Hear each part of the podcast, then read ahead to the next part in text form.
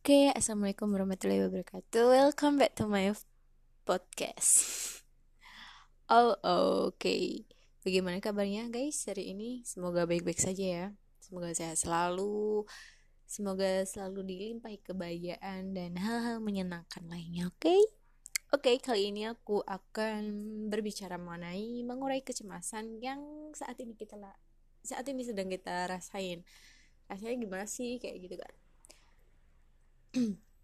Ya kita tahu sekarang kita lagi menyongsong new normal dan setelah tiga bulan kita berada di rumah untuk karantina mandiri tapi nyatanya masih banyak juga dari teman-teman dari saudara dari tetangga yang masih memberanikan diri untuk bekerja di luar. Meskipun uh, bahaya ancaman virus corona itu selalu menghantui mereka. Tapi insya Allah apabila kita menerapkan protokol kesehatan dan rajin cuci tangan rajin mengganti pakaian rajin mencuci pakaian insya Allah virus itu tidak akan menghampiri kita. Amin amin. Ya kayak gitu ya guys. Uh, kita kan juga capek ya mendengar berita-berita yang sekarang ini sedang disiarkan baik melalui televisi radio kalau masih mendengarkan radio dan berita-berita yang simpang siur mengenai coronavirus ini di media sosial. Dan hal-hal itu secara nggak sadar ataupun kalau kita sadar hal-hal itu tuh justru menambah beban pikiran kita gitu. Kita yang sudah di dilelahkan dengan pikiran kita yang sebelumnya ditambah dengan uh, bencana ini datang kayak gitu. Jadi kayak cem tingkat kecemasan kita tuh berkali-kali lipat lebih cemas daripada uh, sebelumnya kayak gitu. Oke seperti contoh banyak ya teman-teman mahasiswa ini pasti banyak kayak aku beberapa bulan lagi kan menginjak tahun terakhir aku kuliah kayak gitu. Jadi mau nggak mau uh, aku harus mempersiapkan segala macam hal yang mendukung aku untuk segera menyelesaikan studi ini gitu.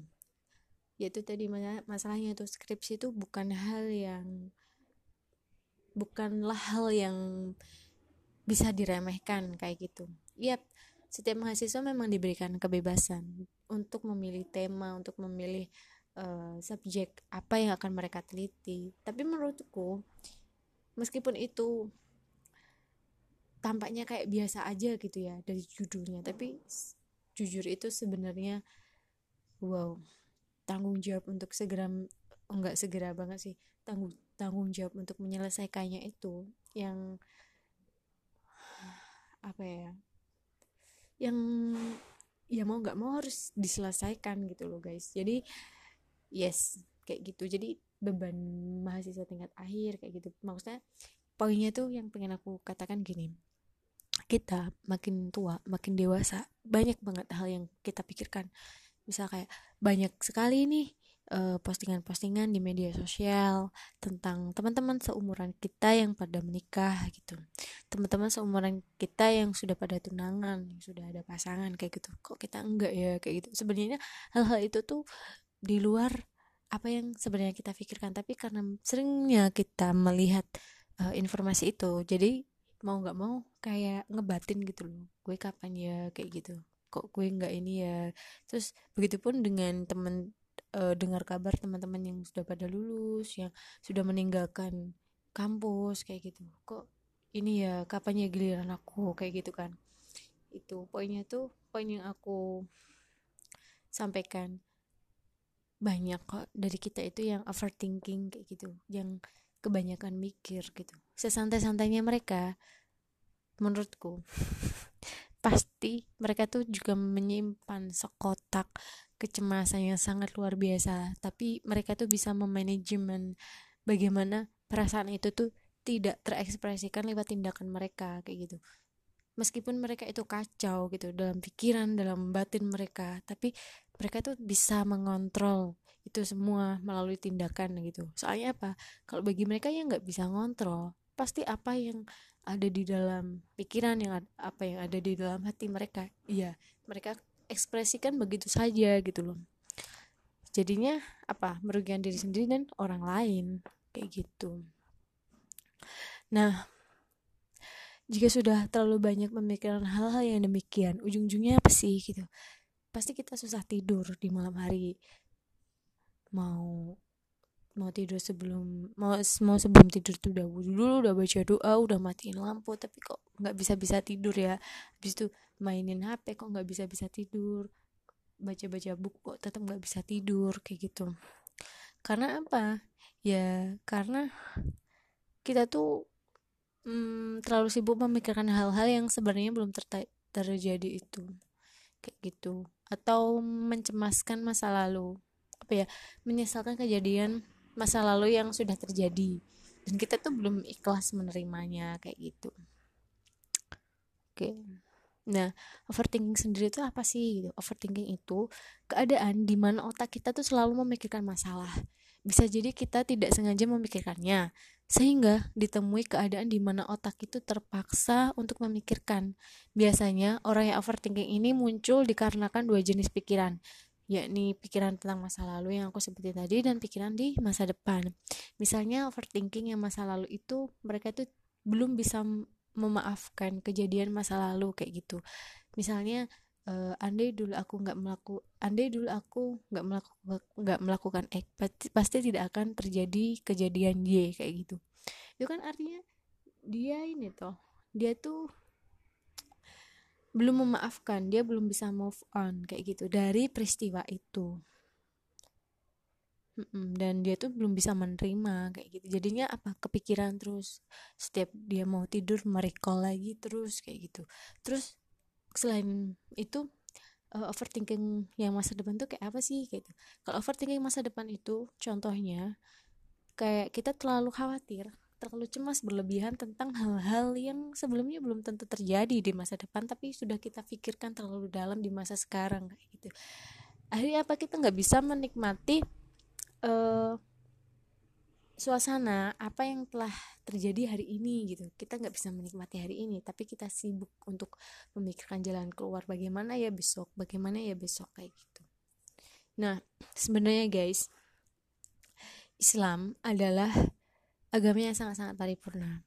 Terus sehingga segala permasalahan dunia apa pun itu bentuknya, apa pun yang terjadi akan dikembalikan kepada Islam yang uh, tentu saja berhubungan erat dengan Al-Quran dan hadis atau petunjuk-petunjuk Nabi Shallallahu Alaihi Wasallam. Nah, karena apabila kita kembali ke manusia, ke teori-teori manusia, ke konsep-konsep manusia, kemungkinan besar hal yang kita temui adalah kebingungan kayak gitu. Hal ini berbanding terbalik apabila semua masa itu kita kembalikan ke Allah, kita kembalikan ke Quran, kita kembalikan ke hadis kayak gitu. Insya Allah ketenangan yang akan kita dapatkan. Nah, Islam sendiri memandang overthinking itu sebuah penyakit memandang kecemasan itu sebagai penyakit. Sebab apa? Karena overthinking adalah salah satu cara untuk menjadikan manusia itu futur. Menjadikan manusia itu tidak semangat beribadah. Menjadikan manusia itu nggak bersemangat beramal kayak gitu. Jadinya apa? Ya mereka menghabiskan sepanjang waktu untuk memikirkan hal tanpa melakukan hal kayak gitu. Nah, eh, itu tadi ya karena apa? Ketika hati pikiran jiwa kita itu nggak enak nggak tenang ya apa yang kita lakukan itu bakalan nggak tenang kayak gitu. Ada nggak sih pikiran kalian kacau tapi mau ngapa apa itu tetap konsentrasi mau ngapa apa tetap uh, sesuai target nggak akan. Bisa pun itu pasti nggak akan maksimal gitu. Akhirnya Allah itu berfirman dalam Quran surat Ar-Rod ayat 28 yang artinya itu orang-orang uh, yang beriman dan hati mereka akan menjadi tentram dengan mengingat Allah. Ingatlah hanya dengan mengingat Allah lah hati menjadi tentram kayak gitu.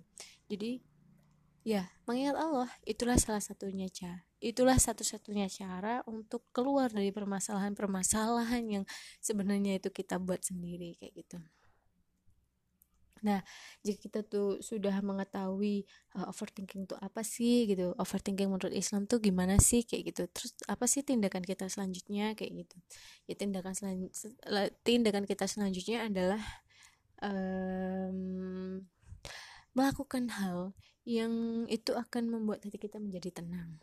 Contohnya itu membaca Quran. Cara mengingat Allah yang pertama adalah dengan membaca Quran atau dengan berzikir atau bisa juga dengan berdoa. Kegiatan ini bisa dikatakan dengan meditasi. namun kembali lagi ya Islam itu dalam tanda kutip sudah disebut bukan. Sudah bisa dikatakan sebagai agama meditasi. Karena apa? Karena amal-amalan yang dikerjakan adalah sebuah meditasi untuk menenangkan hati kita. Al-Quran juga sebagai penyembuh bagi manusia yang membaca dan meresapi maknanya. Masya Allah sekali kan mukjizat Al-Quran itu. Terus yang kedua adalah melakukan mediasi meditasi ya bukan mediasi. Mediasi dengan cara memaafkan masa lalu atau menerima apa pun yang terjadi nanti di masa depan kayak gitu jadi balik lagi ya uh, kan ada tuh pepatah apa yang telah terjadi hari ini adalah keputusan-keputusan kita yang kita, yang telah kita buat di masa lalu dan apa yang akan terjadi di masa depan adalah keputusan-keputusan yang akan kita buat di masa sekarang. Jadi ya itu tadi kita meditasi aja kita muhasabah lah ya uh, bahasanya kita itu bermusahabah uh, uh, apa sih yang kurang? Kayak gitu kenapa sih kayak bisa gini? Gitu. soalnya kalau udah gitu kan kita tahu kan penyebab permasalahannya itu apa? Penyebab ruwetnya pemikir penyebab ruwetnya pikiran kita tuh apa? Kayak kita bisa mengetahuinya kayak gitu. Terus cara berikutnya adalah melakukan uh, ini menuliskan.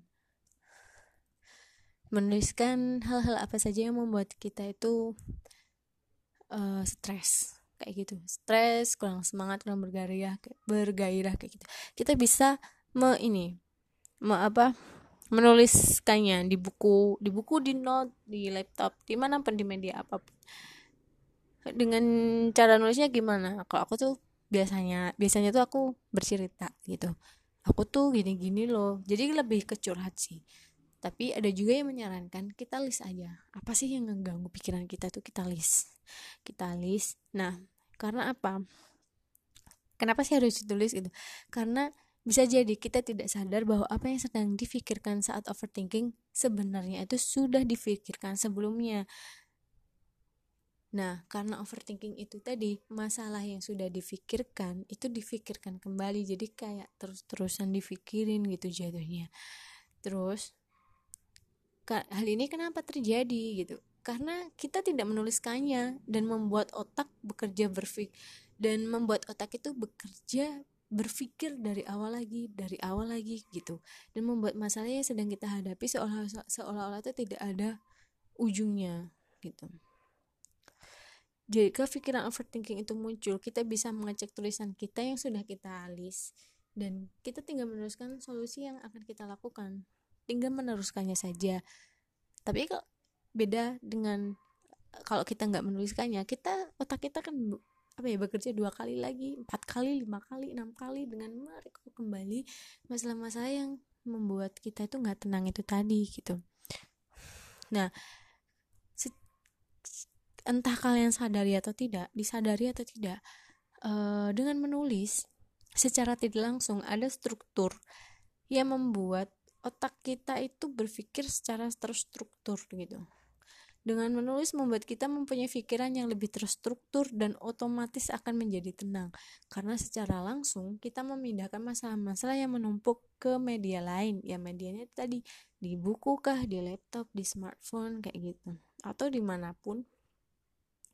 Nah format nulisnya tuh gimana? Balik lagi ya sesuai dengan kesukaan kita masing-masing gitu. Kalau tipe orang yang suka curhat, ya udah curhatin aja. Kalau tipe orang yang suka list list list ya udah bikin list gitu. Nah itu saja sih yang ingin aku sampaikan. Jadi uh, mungkin mulai sekarang kita lebih rajin aja memuhasabah juga. Pasti uh, kalau kita lagi futur kita nggak bersemangat kita kebanyakan pikiran itu pasti ada hal-hal yang ngejauhin kita dari pemilik alam semesta ini kita pasti lagi lalai dengan keberadaan Allah kayak gitu. Kita merasa nggak diawasi kita merasa nggak dinilai kita nggak merasa di apa ya kita nggak merasa dicukupi gitu. Jadi uh, perbanyak istighfar berbanyak berdoa perbanyak bertaubat membaca Quran bersedekah kayak gitu gitu amal-amal amal-amalan sekolah itu sepatutnya kita kerjakan untuk mengurangi kecemasan itu. Gitu itu aja sih ya pokoknya apa pun yang kita tanam ya akan yang akan yang kita panen kayak gitu. Insya Allah kalau kita menanam dengan kebaikan-kebaikan insya Allah kita nanti akhirnya akan uh, memetik hasil yang baik-baik pula gitu. Dan kita tidak akan cemas lagi dengan masa depan yang belum bisa kita raba dan kita tidak akan menyesal lagi dengan kejadian yang kejadian masa lalu yang telah berlalu kayak gitu. Intinya dengan mengingat Allah kita akan mensyukuri hidup kita akan memaksimalkan hidup kita akan memaksimalkan potensi diri di hari ini dengan sebuah karya mungkin dengan sebuah pencapaian-pencapaian yang lain atau hal-hal yang membuat kita lebih produktif lainnya daripada merundungi nasib, merundungi takdir dan memikirkan hal-hal yang sebenarnya tidak perlu kita pikirkan kayak gitu. Jadi maksimalkan harimu maksimalkan potensimu dan tetap semangat. Oke itu aja ya. Wassalamualaikum warahmatullahi wabarakatuh